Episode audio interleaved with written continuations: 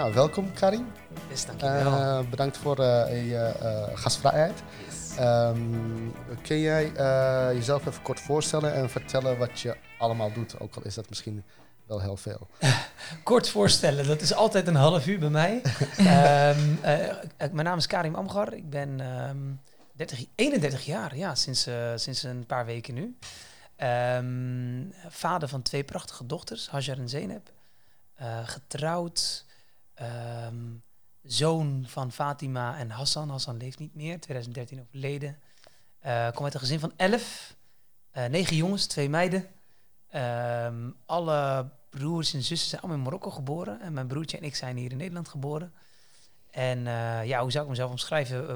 Op op, op uh, professioneel gebied is dat schrijver, programmamaker, onderwijzer, onderwijsontwikkelaar. En en enorme fan van hardlopen en, en voetballen, denk ik. Ik denk dat ik hem zo wel redelijk kort gedekt heb. ja. Nou, vandaag gaan we het hebben over je boek van radicaal naar amicaal. Um, wat was voor jou de aanleiding om dit boek te schrijven?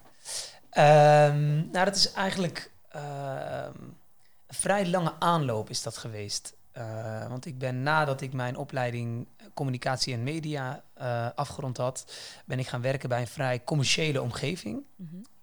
in een commerciële omgeving. Dat was bij RGIS, een Amerikaans bedrijf. dat zit hier in Nederland in Nieuwegein.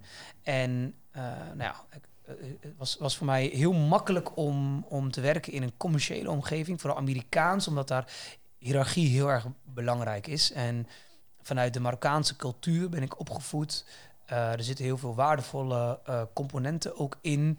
Uh, hè, zoals de baas is de baas. Dus als de baas je oproept, dan ben je er, weet je wel. Dus dat is voor een hiërarchische werkomgeving is dat heel goed. Voor een wat creatievere werkomgeving is dat wat minder.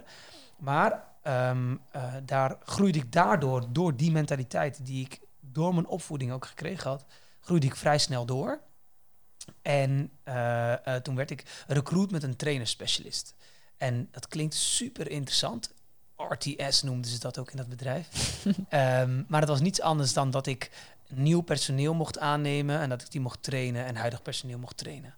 En uh, uh, na, in mijn eerste week al kwam er een jongen bij ons uh, over de vloer, dat ik uitgenodigd. Marokkaanse voor- en achternaam is belangrijk om te benoemen voor het verhaal. Want hij had een heel goed cv en een wijze goede motivatiebrief. Geen spelfout te vinden, een mooie opmaak, goede foto erop. dus ik had zijn spullen ook al besteld hè, om, om te beginnen. Dat doe ik bijna nooit. Alleen als ik er echt vertrouwen in heb. Dus die jongen die, die zou om 11 uur met mij een gesprek hebben. En om Vijf over elf, niemand. Tien over elf, nog niemand. Kwart over elf, klopt er iemand aan.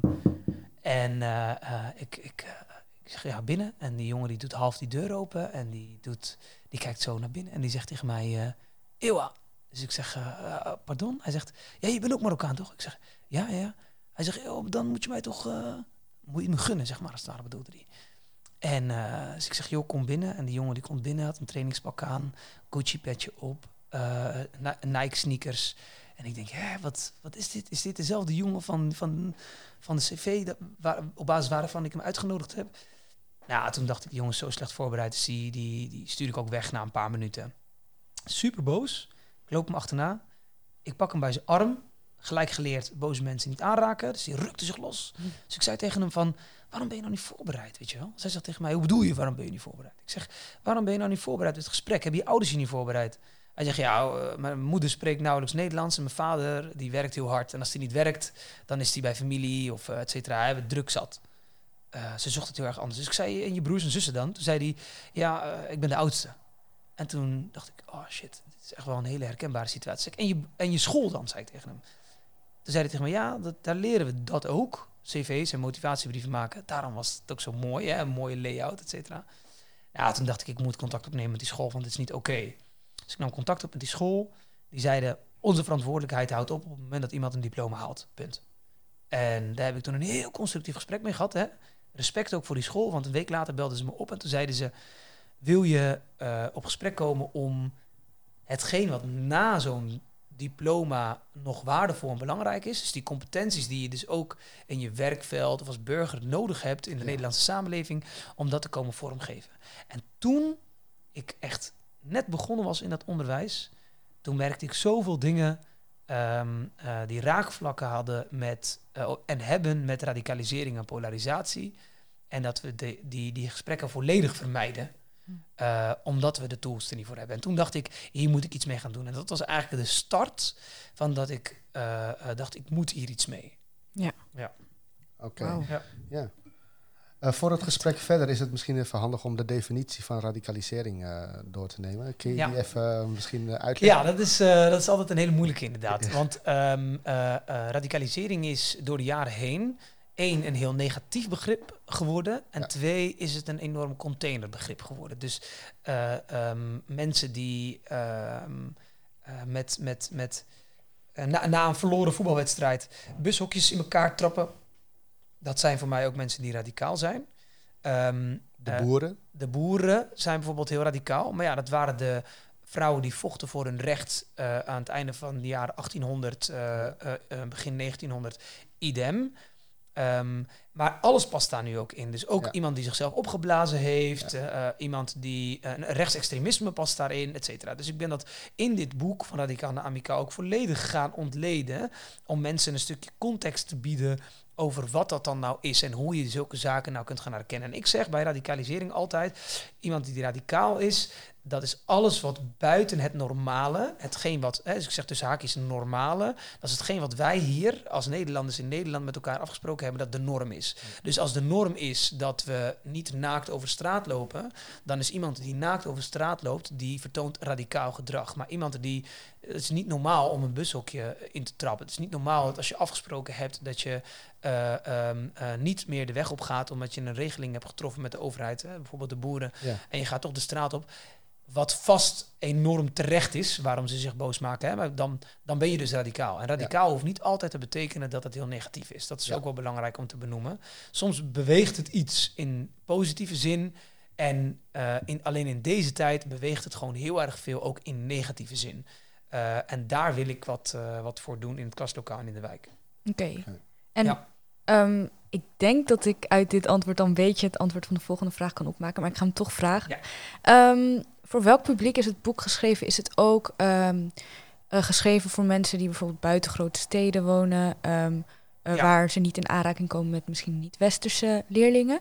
Ja, zeker. Uh, want wat belangrijk is, is dit boek is, om wat meteen uit de wereld te helpen, is zeker bij lange na niet alleen voor mensen of, of geschreven voor mensen met een niet-westers-Nederlandse achtergrond. Dit boek is voor heel Nederland. Mm -hmm. En dus en ook is het, dat is wat mensen vaak denken. Hè? In deze tijd denken mensen dat jihadistische radicalisering heeft patent op het woord radicalisering of zo. Of dat moslims dat woord hebben geclaimd en dat het alleen daarop van toepassing is. Uh, dat, dat wil ik meteen uit de wereld helpen, want dat is natuurlijk niet het geval. Um, dit boek is voor iedereen. En tegelijkertijd, hè, zoals Ilias El ook altijd zegt, is de grootstedelijke context is eigenlijk door heel Nederland toe te passen. Je ziet dezelfde uh, symptomen, gevolgen, oorzaken van dit soort uh, uitdagingen, radicalisering en polarisatie, zowel in Rotterdam-Zuid, Amsterdam-West, et cetera, als dat je het in Sint-Michels-Gestel ziet uh, in de omgeving van Eindhoven. Nou, dat, dus in, en Nederland kent bijna niet meer de uh, volledige onderscheiding tussen urban en non-urban, zeg maar. Dus grootstedelijk en niet grootstedelijk. Mm -hmm. Dus het is overal van toepassing. Um, dus het is, het is voor jongere werkers, politie, uh, onderwijzers, voor in de klas, voor in de wijk, maar ook gewoon in je eigen straat als, als burger, zeg maar. Hè? Als je je ergens druk om maakt, dat je denkt van oké, ik, zou dat, ik zou toch eens willen doorgronden. Hoe kan het dat iemand radicaal gedrag vertoont? Uh, of waarom drijven we zo uit elkaar in één specifieke wijk? Dan kan dit boekje uh, tools geven voor in je toolkit om ermee om te kunnen gaan. Ja. Wat zijn redenen voor radicalisering? Um, uh, vanuit de basis is, is, um, zitten er een hoop dingen onder. Iemand um, begint vaak in het radicaliseringsproces met iets heel positiefs, vaak, hè, om iets, iets teweeg te brengen, iets te veranderen.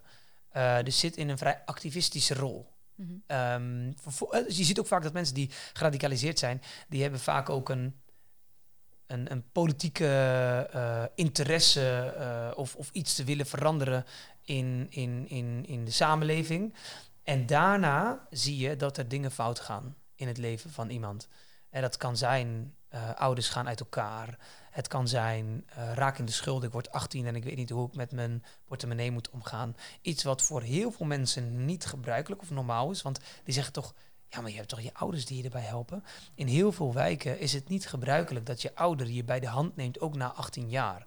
het is, het is, uh, je moet zo zien, die ouders die zijn aan het overleven, hebben vaak maar alleen moeder die in het spel is. En en, en vader is niet meer in het spel of is overleden of, of whatever. Hè. Dus daar zitten hele andere prioriteiten. Nou, dan zie je dus dat, dat ze daardoor uh, een voedingsbodem gaan opbouwen. En die voedingsbodem wordt alleen maar versterkt op het moment dat je te maken krijgt met discriminatie, uitsluiting. Het gevoel hebt dat je identiteit kwijtraakt. Hè. Dus dat, dat zie je bijvoorbeeld bij mensen die vanuit de rechtsextremistische hoek um, uh, radicaliseren. Daar zie je bij dat ze het gevoel hebben dat ze hun identiteit kwijtraken. En wat het het meest tricky is aan, dat, aan datgene, is dat je het niet zozeer hoeft, letterlijk hoeft mee te maken, maar dat je het alleen al hoeft te voelen. Dus het kan zijn dat jij mij een heel waardevol verhaal vertelt over iets wat jou overkomen is op het gebied van discriminatie. Dan kan mijn gevoel dat overnemen alsof het mij overkomen is. En dan kan ik er dus zoveel boosheid door voelen dat het een enorme dikke voedingsbodem doet ontstaan. Uh, en dat is het gevaar bij, uh, bij, bij, radicalisering. En dat kan zijn door um, solidariteit naar bijvoorbeeld een, een, situatie in Syrië of een, een, situatie in, in China met de Oeigoeren.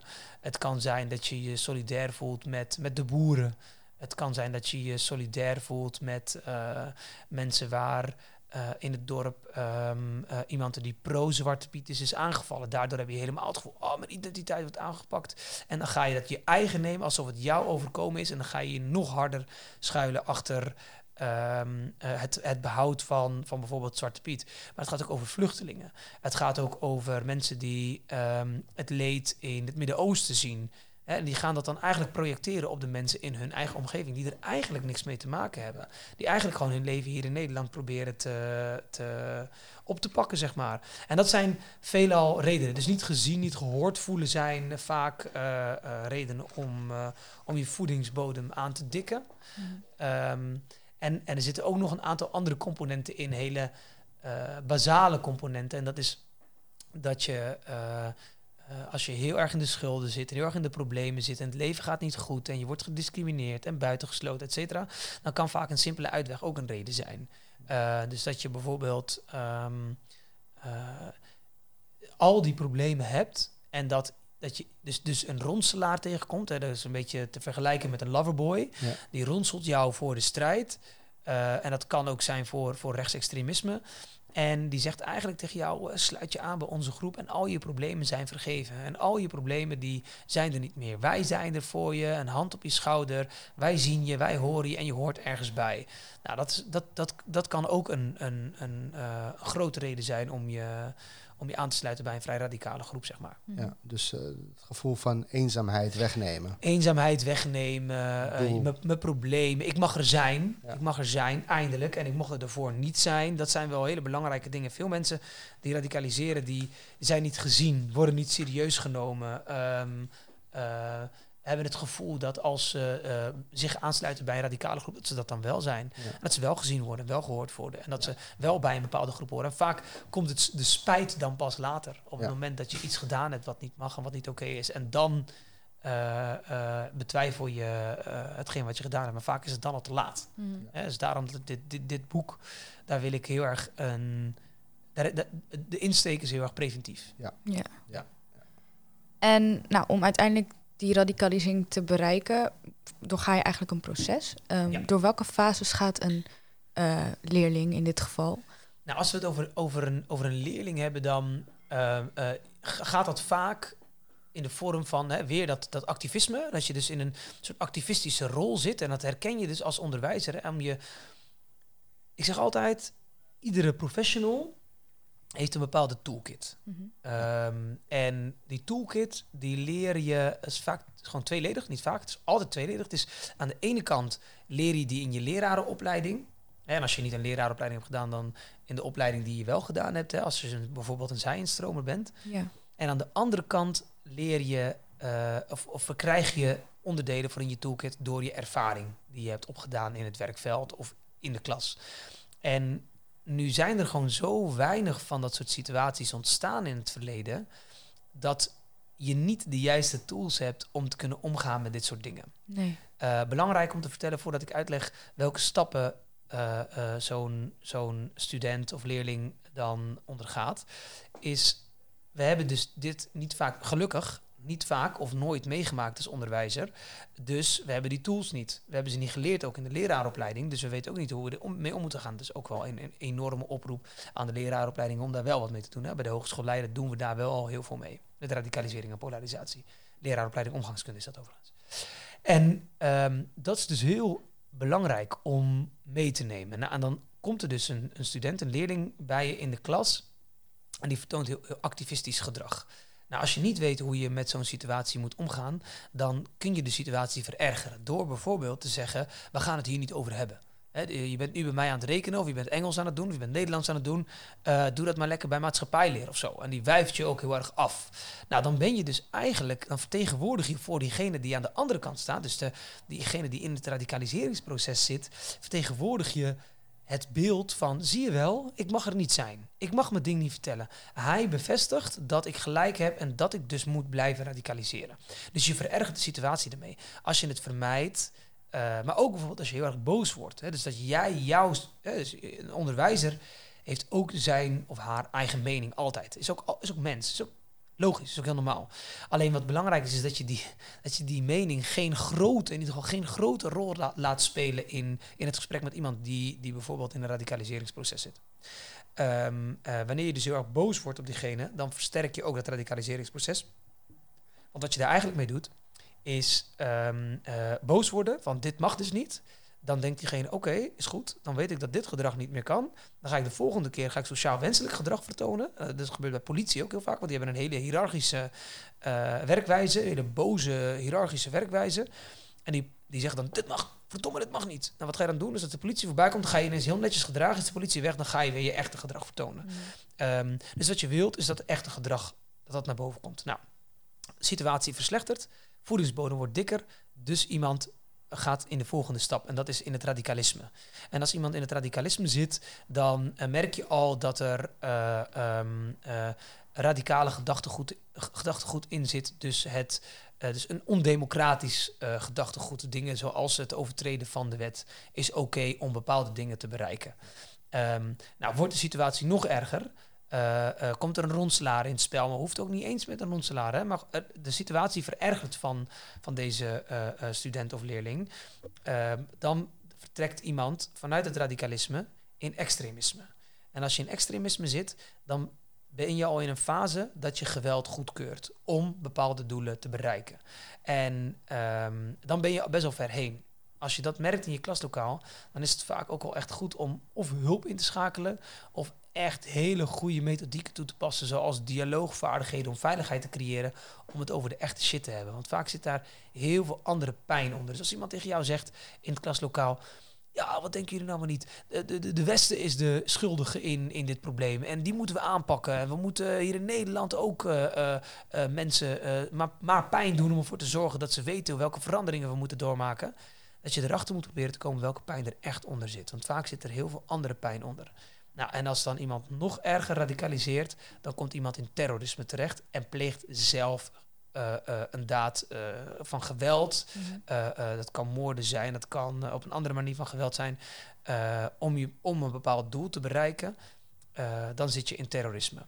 Nou, en ik heb een visuele cirkel in mijn boek beschreven. Dat begint bij activisme, gaat naar radicalisme, gaat vervolgens naar extremisme, naar terrorisme. En terrorisme zorgt eigenlijk voor uh, um, een stukje angst bij, bij, de, bij de countergroep, zeg maar, de volgende groep. En als jij bang bent voor de ander, wat doe je dan? Dan zoek je dat contact ook vaak niet meer op. Dus dan polariseer je van elkaar, dan drijf je uit elkaar. En als je uit elkaar gedreven bent, Daarom is diversiteit bevorderen zo waardevol. Als je dus uit elkaar gedreven bent, dan begrijp je elkaar niet zo goed meer. Dan denk je, waarom doet de ander nou dit? En dan heb je ook geen echte gesprekken met elkaar meer. Dus dan creëer je haat en onbegrip. En als je haat en onbegrip naar elkaar creëert, dan vind je dat de ander hier niet thuis hoort. Of, of dat je iets moet doen jegens de andere groep, tegen de andere groep. En dan begint het cirkeltje weer opnieuw. Want dan ga je je activistisch inzetten tegen de andere groep.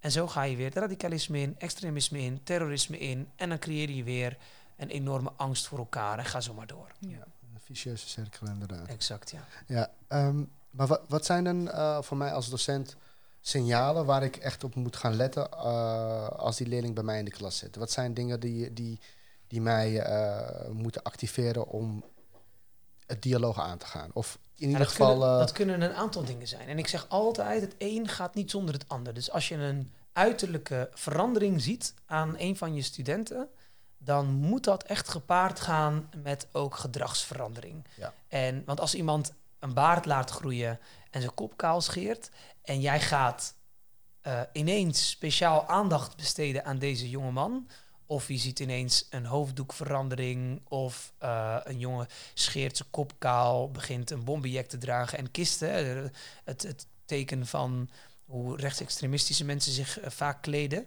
is als je dat doet, dan maak je iemand alleen maar radicaler. Want het kan ook zo zijn dat iemand, dat het, dat iemand zegt, ik behoor gewoon bij een bepaalde identiteit zonder dat ik radicaliseer. Het kan zijn dat je bijvoorbeeld een hardcore cultuur aanhangt en daardoor je een bepaalde manier kleedt. Het kan ook zijn dat je je religie veel meer gaat praktiseren en dat je daarom een baard laat groeien. En dat je wel iemand in een hokje kunt stoppen door te zeggen, ik ga nu speciale aandacht aan hem of haar besteden. Dus daar moet je heel erg op letten. Dus, dus, dus gedrag, radicale gedragsverandering en radicale uiterlijke kenmerken. En um, die gedragsveranderingen, uh, dat, daar moet je bijvoorbeeld denken aan dat iemand die normaal altijd met een bepaalde groep omgaat in de, uh, zeg even in de kantine of zo, of in het klaslokaal, dat nu helemaal niet meer doet. Waarom is dat zo? Uh, dat wanneer je ineens merkt dat iemand zich afzondert in de klas, graag achterin alleen zit, vaak na de lessen meteen weggaat, terwijl hij dat ervoor niet deed. Um, uh, dat zijn allemaal van die signalen die voor jou heel belangrijk zijn. Als iemand ineens um, radicale dingen aanhaalt in het klaslokaal over dat je bepaalde pagina's moet volgen of check bepaalde pagina's. Dus als, je, als het kan, het is niet zo dat je je studenten moet controleren of die leerlingen moet controleren, maar dat je wel met ze in gesprek moet gaan over hun social media gebruik. Wat mhm. volg je dan zo al? En wat check je dan zo al op Facebook of Instagram of, of, uh, of welke social media pagina's dan ook? Dat je een beetje kunt achterhalen of er veranderingen komen ook in, die, uh, in het gebruik op het gebied van social media. Maar vooral ook als je ineens ziet dat iemand vrij radicaal gedrag vertoont in het klaslokaal, bozig, bozig gedrag vertoont. Niet meer het, het zachte gesprek met je kan aangaan, maar in één keer heel fel tegen je wordt. Ja. En dat is zo ingewikkeld als onderwijzer, dat je in, in, in, in, voorin in een klas staat en dat je eigenlijk altijd de hiërarchie had. En iemand doet ineens dit. En je hebt eigenlijk altijd geleerd dat als iemand bepaald radicaal gedrag vertoont, draait. Wegwezen, je gaat je melden, je krijgt een gele kaart of een rode kaart of wat ik veel. Je gaat me afkoelen op de gang is dat je daarmee dus alleen maar het radicaliseringsproces versterkt. Dus je moet heel erg het onderscheid leren van wat puberaal gedrag is en wat radicaal gedrag is. Ja. Dat is heel belangrijk om die twee te leren te onderscheiden. Als iemand stoer aan het doen is, kijk, dan snap ik heel goed, dan moet je iemand een beetje discipline aanleren. Dat is ook waardevol, discipline aanleren is prima. Maar dat moet niet gebeuren bij iemand die in een radicaliseringsproces zit, want dan ben je gewoon de schuldige en dan krijg je van op dat moment alleen sociaal wenselijk gedrag en niet het echte gedrag meer. Ja, hoe kan je dat verschil makkelijk, nou makkelijk is niet, hoe kan je dat verschil achterhalen? Ja, dat is in gesprek gaan. Ja. Okay. Um, dat is de enige mogelijkheid voor mij is dat je dialoog voert en dat je bouwt aan relatie met je student. Ik weet niet of jullie jullie oude, oude juffen en meesters nog een beetje voor jullie kunnen halen. Maar voor welke juffen en meesters uh, en docenten je het hardst werkte. Nou, dat was bij mij niet zozeer het vak wat ik het leukst vond, maar de onderwijzer die ik het aardigst vond. Klopt. Die goed voor mij was. En het was zeker niet. Hè, bijvoorbeeld, ik had een, ik had een, uh, uh, een docent economie. En economie heb ik nooit iets mee gedaan. En ik vind het ook een verschrikkelijk vak. Um, maar die man die was altijd zo aardig. Maar die was ook gedisciplineerd hoor. Dus het was niet zo dat we allemaal ineens op tafels mochten gaan staan. Dat we altijd mochten kletsen. Maar hij gaf zijn, zijn grenzen goed aan. En hij, uh, hij, hij zorgde ervoor dat, dat zijn grenzen duidelijk bleven in zowel goede tijden als, als het even slecht ging in slechte tijden. Maar hij was ook altijd aardig. Hij kwam ook altijd bij je zitten. En dan kwam hij bij je zitten en dan vroeg hij aan je, hoe gaat het met je? En dan zei je, ja, gaat goed, meester, gaat goed. Dan zei je, nee, zei hij, hoe gaat het nou echt met je? Hoe gaat het thuis? En dan dacht je, jeetje, deze man heeft echt interesse in mij, man. Dat is bizar. En dan ging je hard voor hem. Dan ging je hard, dan stond je altijd vijf minuten voor tijd voor zijn klaslokaal. Nou, en als je dat kunt bouwen met je, met je uh, studenten en ook met iemand die een radicaal, radicale gedachtegoed aan het ontwikkelen is, het is nooit te laat om daar een relatie mee op te bouwen. Want als je daar een relatie mee opbouwt, dan krijg je echt alle shit boven. Dan krijg je dus te horen dat iemand uh, uh, het thuis heel moeilijk heeft. Of dat hij misschien wel geslagen wordt thuis. Of dat hij uh, zijn ouders uit elkaar dreig, dreigen te gaan. En dat hij dat eigenlijk nooit durft uit te leggen. En dat zie je vaak bij de verharde culturen. Hè, dus bijvoorbeeld bij niet-westerse Nederlandse cultuur, bijvoorbeeld de Marokkaanse of, of Turkse cultuur zie je dat. Maar dat zie je ook bij protestantse en streng katholieke gezinnen. Zie je dat het heel moeilijk is om over een scheiding te praten. Dat doe je gewoon niet. Ja. Je praat niet over dat soort dingen. En je moet ervoor zorgen dat er genoeg veiligheid is in je klaslokaal om erover te praten. En dan kom je er dus achter of iemand gewoon puberaal gedrag vertoont. En dan zegt, ja meester, wat gaantje, ja, wat een gaantje. Of wat iemand echt tegen je zegt, ja, het gaat gewoon niet zo lekker. Ja. Het gaat gewoon niet zo goed thuis. Ja. En, en dat is moeilijk. Het is altijd een soort van trauma die... Uh... Ja, er zit altijd een soort, soort trauma-ontwikkeling en een taboe voor het bespreken van dat trauma. Daarom zie je ook radicalisering iets minder bij vrouwen dan bij mannen. Um, vooral het, het, harde radicaliseringsproces, hè, laat, laat, dat wel weten, want het radicaliseringsproces is bij, bij vrouwen ook heel erg aan, aanwezig en mogelijk. Alleen je, het, het verharde, het agressieve gedrag vertonen in het klaslokaal, dat zien we mannen veel meer.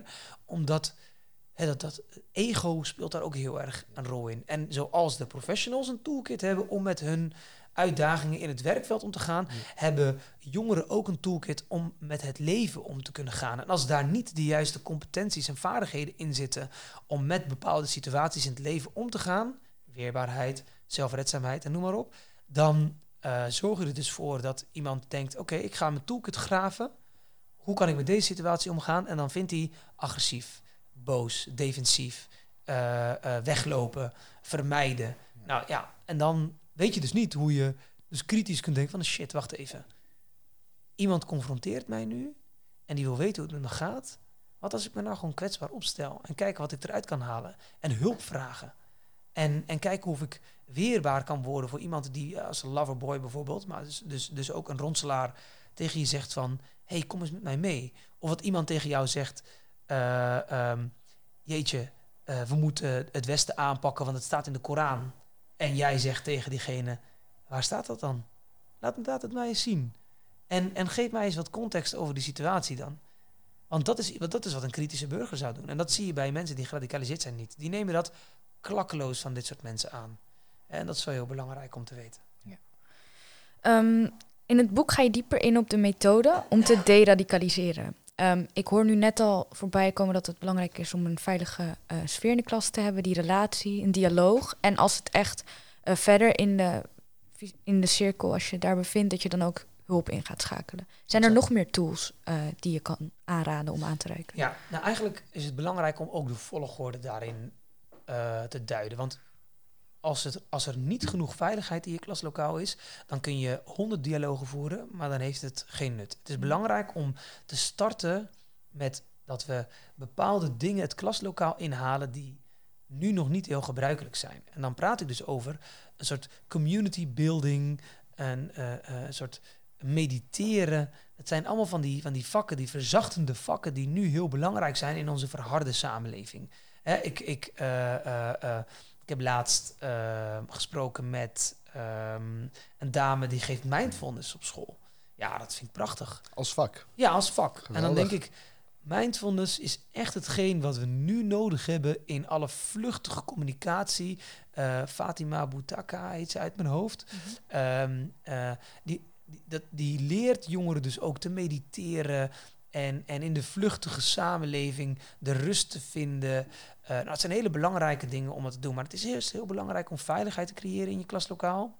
Om relatie op te bouwen in je klaslokaal. En daarna met elkaar in dialoog te gaan. En dat je als onderwijzer leert om niet meer alleen de docent te zijn die zijn vak aan het doseren is, maar dat je, ehm, dat je ook echt een coach wordt. Dat je naast de student en leerlingen durft te gaan staan en te zitten en te zeggen hoe gaat het met je? En zo gaat het met mij. Het gaat ook met mij als, als docent even niet zo lekker. Hè, dat, dat, dat een student denkt, huh? met een docent hoort het toch altijd goed te gaan? Toch? Hè? Wij zijn geen mensen. Ja, we zijn toch geen mensen. Die, die gaan toch waarschijnlijk naar huis en die laten hun werk toch altijd gewoon op hun werk en nemen hun werk toch niet mee naar huis. Hè? Terwijl als je eerlijk durft te vertellen aan je klas, jongens, het gaat niet goed met me. Het gaat niet goed. Ik ga naar huis en ik voel me kloten. En uh, ik heb moeite met sommige klassen hier op school en ik weet gewoon niet hoe ik ermee om moet gaan. En ik heb het gevoel dat ik het een hart heb voor het onderwijs, maar het lukt me niet. En ik zou het zo waardevol vinden als jullie mij erbij zouden helpen. Dan zie je, maakt niet uit wie je bent, welke student, welke afkomst, welke wijk, het boeit niet. Iedereen zal dan denken, jeetje, deze vent is sympathiek. We gaan hem helpen. We gaan kijken hoe we hem de vaardigheden kunnen leren, zodat hij met jongens en meiden kan omgaan zoals wij ook zijn. Omdat er is, er is niemand die de jongeren beter kan omschrijven en begrijpen als de jongeren zelf. En dat is ook het eerste wat ik doe. Is, ik ben nu nog steeds onderwijzer. Eén dag in de week geef ik les. En dat doe ik op het mbo en op het hbo. En elke keer weer probeer ik te reflecteren. En terug te gaan naar die jongeren zelf. En te vragen, wat had ik anders kunnen doen? Wat had ik beter kunnen doen? En niet reflecteren om te reflecteren. Hè? Om andere mensen te vertellen, jongens, ik reflecteer in mijn klas. Dat boeit me geen kloten. Het gaat mij erom dat ik terugkrijg, meneer, en daar heb ik bijvoorbeeld heel veel last van, u praat te veel. Weet je wel? Uh, of praat wat rustiger. Of meneer, wij zouden het prettig vinden om andere werkvormen van u te krijgen. En dan vraag ik welke werkvormen. Nou, we zouden het mooi vinden om ook het klaslokaal uit te gaan. Om de praktijk wat meer te voelen, krijg ik vaak terug op het HBO.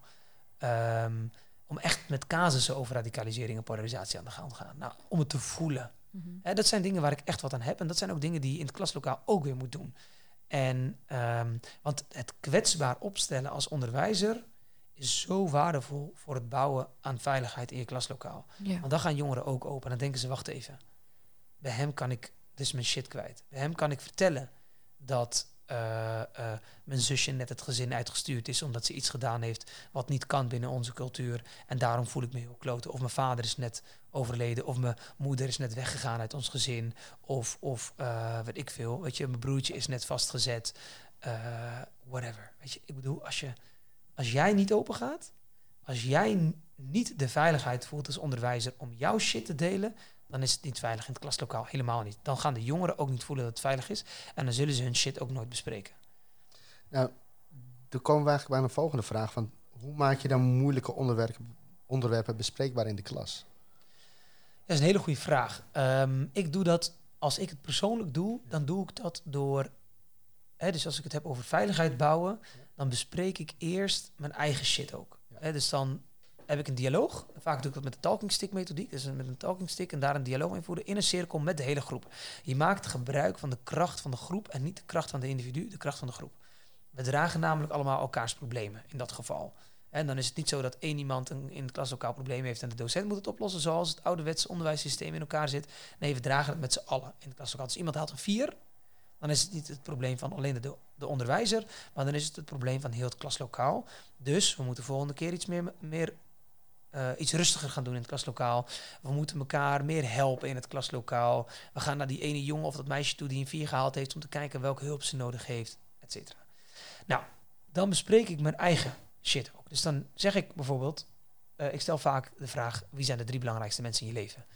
En dan komt vaak moeder, vader, broer of zus naar boven. Nou, dan kan ik dus vertellen over mijn vader die overleden is en hoe belangrijk die voor mij geweest is.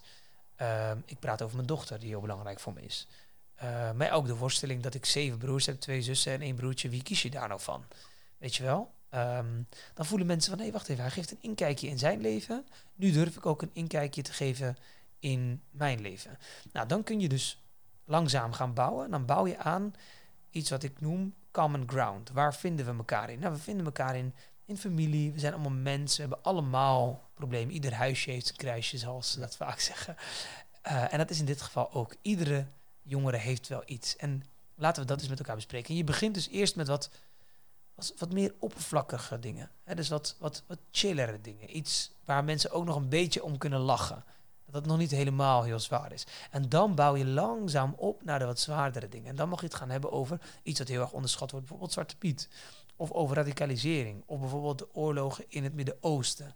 Ehm, de problemen die er zijn in Saudi-Arabië en Jemen, eh, de Oeigoeren in China, uh, een, een, een, onderwerp waar mensen rillingen over hun lichaam krijgen, Palestina-Israël. Zelfs dat onderwerp lukt mij om dat te bespreken in mijn klaslokaal, omdat er genoeg veiligheid is en we doen het met de juiste tools en niemand gaat boos weg. Wauw. Niemand gaat boos weg. Niemand gaat boos weg aan het einde van het klaslokaal. En er is, want mensen zijn bang dat als je bijvoorbeeld zo'n zo'n probleem als, als Israël-Palestina als je dat bespreekt, dat je daardoor uh, antisemitisme aanwakkert of islamofobie aanwakkert. Uh, en ik ben overtuigd, want het lukt mij altijd, is dat ik daarmee heel erg het lokale stimuleer. En dat ik het probleem van daar, wat daar ontstaat in Palestina-Israël, dat ik dat niet projecteer en leer dat ze dat daar laten waar het, waar het is.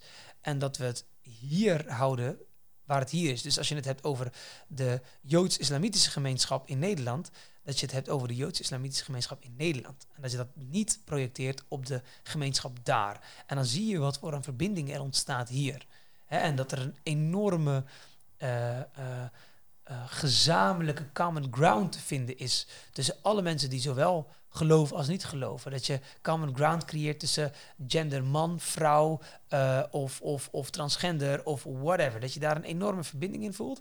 En als we die common ground hebben gevonden, dan kun je het hebben over de echte shit, zeg maar als het Ja. Dat is, uh, dat is key. En door één deur. Uh, Uiteindelijk lukt het mij dus, en daarom raad ik iedereen aan om het boek te lezen, want daarin vertel ik dus een aantal persoonlijke verhalen ook, waar gebeurde verhalen ook, dan lukt het me dus ook om, om die hele zware problemen te bespreken. En dan gaan we met z'n allen door één deur. En, wat ook het allerbelangrijkste is om te benoemen, is dat we echt moeten leren dat je het niet met elkaar eens hoeft te zijn en dat je prima met elkaar een drankje kunt doen. Dat is echt. Ik heb uh, voor de Wereld Draait Door heb ik heel veel dialogen uh, of uh, debatten gevoerd, een het programma. En de mooiste vaardigheid die ik daar geleerd heb, is uh, de eerste regel die ze mij toen vertelde was, als je bij ons in het programma van De Wereld Draait ook om debatteren, hebben we één, dus de belangrijkste regel is dat je elkaar mag opvreten in het dialoog, maar zodra we klaar zijn met, dialoog, met, met, met, sorry, dat je elkaar mag opvreten in het debat, maar wanneer je klaar bent met het debat, dat je elkaar de hand schudt en dat je elkaar aan kunt kijken in de ogen en dat je elkaar een drankje kunt doen met elkaar. En dat is heel belangrijk. En er was één vrouw die kon dat niet. Die is ook echt meteen na één aflevering weggestuurd. En de rest deed dat perfect. Dus we konden elkaar opvreten in het debat. Ja. Over dingen hoe ik erover dacht en hoe hij of zij erover dachten. Ehm, en dan was het klaar. En dan gaven we elkaar een hand. En dan was het klaar. En dan gingen we praten over voetbal. Of, of whatever. De common ground weer opzoeken. De common ground opzoeken. En dan heel vaak hadden we het over voetbal. En uiteindelijk een half uur later ging het toch weer over het thema. Minder scherp en echt een stuk verbindend. Mm. Mooi. Ja. ja. Dus ja, mijn vorige volgende vraag zou gaan over hoe je als docent die polarisatie tegen kan gaan, dus meer die verbinding kan, kan opzoeken. Uh, maar als ik het goed heb begrepen, moet je er dus eerst voor zorgen dat je uh, raakvlakken vindt van de kinderen, leerlingen. ja. ja, en daarna kan je dieper op ingewikkelde onderwerpen ingaan. Exact. Dus nooit uh, de zware onderwerpen zomaar droppen. Daarom ben ik ook geen groot voorstander van, van een debat. Fix maar een lagerhuisdebat in de school en ga het maar hebben over de zware thema's. Nee, dan radicaliseer je enorm. Ik vind ook, ja, uh, wij, het enige wat wij zien in de politiek is dat ze elkaar opvreten in de Tweede Kamer. Maar die mensen gaan vrij goed met elkaar om naar buiten. En wat ik zou willen, is dat de Tweede Kamer ook dat laat zien. Ja. Hè? Want wat ze laten zien is, met alle respect, is een keihard uh, debat waar ze elkaar opvreten, letterlijk, bijna. Um, en dan is het klaar en rode kop ook. Hè, en dan echt, uh, doe normaal, ja, doe jij normaal, man. Uh. En dan drie dagen later zie je dat, dat ze een sigaretje aan het roken zijn en een biertje in hun hand hebben. ergens op een terras. En dat ze het enorm goed met elkaar kunnen vinden. En dat moet dan naar boven gekomen. of iemand moet het naar boven halen van een of ander roddelblad of zo. Dat dat gebeurt. Ik zou zeggen, hou die camera's maar aan. Ook in de gangen van de Tweede Kamer. Uh, want dat is wat mensen uh, misschien vanuit de basis niet zozeer willen zien. Uh, omdat ze denken, oh ja, hij pakt hem tenminste aan. Zie je wel, mijn partij pakt die andere partij aan. terwijl ik zeggen, we hebben nu daar geen behoefte aan. Ook al vinden mensen het niet sexy om te zien, we hebben meer behoefte aan verbinding. En laat maar vaker zien dat je nadat je elkaar kunt opvreten in een Tweede Kamer, dat je daarna het heel goed met elkaar kunt, kunt vinden, met elkaar uit eten kunt gaan en whatever. Als voorbeeld. Ja, ja, ja exact. Ik zat in een, in een, in, in, uh, voor de NTR uh, bij het radioprogramma Kwesties. En ehm, toen zat iemand van Leefbaar Rotterdam tegenover iemand van Denk. En ze hadden het over iets wat ik verschrikkelijk vind om uit te spreken. Maar ik doe het voor, voor, voor dit even. Dat was de Marokkanen aanpak, heette dat. Dat was Leefbaar Rotterdam, die had dat bedacht om uh, problemen in de wijken aan te pakken. Nou, nu geloof ik wel dat die mevrouw echt problemen wilde aanpakken. Maar dat de, de aanpak zelf verschrikkelijk nutteloos en dom was. Uh, maar, dus die, dus die uh, van Denk en diegene van Leefbaar Rotterdam, die konden elkaar opvreten in de bus. Ja. Maar toen het was, uh, en bedankt voor jullie aandacht vandaag en ik wens jullie nog een fijne avond, klap, klap, klap. Toen gaven ze elkaar een hand en toen zaten ze met elkaar op het terras en toen konden ze het heel goed met elkaar vinden. En toen hadden ze het over, hey, en, want ze, want ze steunen elkaar wel in een aantal andere dingen, weet je wel. Ja. Ik bedoel, je ziet ook wel eens dat PVV en Denk in de Tweede Kamer uh, op groen stemmen uh, om voor een wetsvoorstel, terwijl de PvdA daar niet op stemt of zo. Ik zeg maar even wat. Dus ze kunnen elkaar wel eens vinden op bepaalde dingen. En dan denk ik, ja, laat dat ook maar eens zien aan de samenleving. Want dat is waar we behoefte aan hebben. Ja, um, ja wat voor invloed heeft kansongelijkheid op het radicaliseren van jongeren? Nou, uh, wij zien dat radicalisering een gevolg is van kansenongelijkheid, zowel in het onderwijs, met name in het onderwijs, als in de samenleving. En dat komt omdat je, hè, we hebben het aan het begin al eens benoemd, je wilt gezien worden en gehoord worden. En als je ongelijkheid ervaart in het onderwijssysteem, dan ga je dus altijd dat label op je hebben van ik ben anders, ik hoor er niet bij, dus je wordt niet gezien en niet gehoord. En dat versterkt enorm en versnelt enorm het radicaliseringsproces. Uh, dus, dus radicalisering is een enorm, enorm dik een groot gevolg voor radicalisering uh, als het gaat om kansongelijkheid. En dat is in elke mogelijke vorm. Dus we moeten niet weer alleen denken op dit moment aan mensen met een niet-westers-Nederlandse achtergrond, Marokkaanse roots of Turkse roots of whatever. En die radicaliseren. Nee, we hebben het ook over mensen die kansenongelijkheid meemaken in Sint-Michels-Gestel en daardoor het rechtsextremisme ingaan. Ja. ja.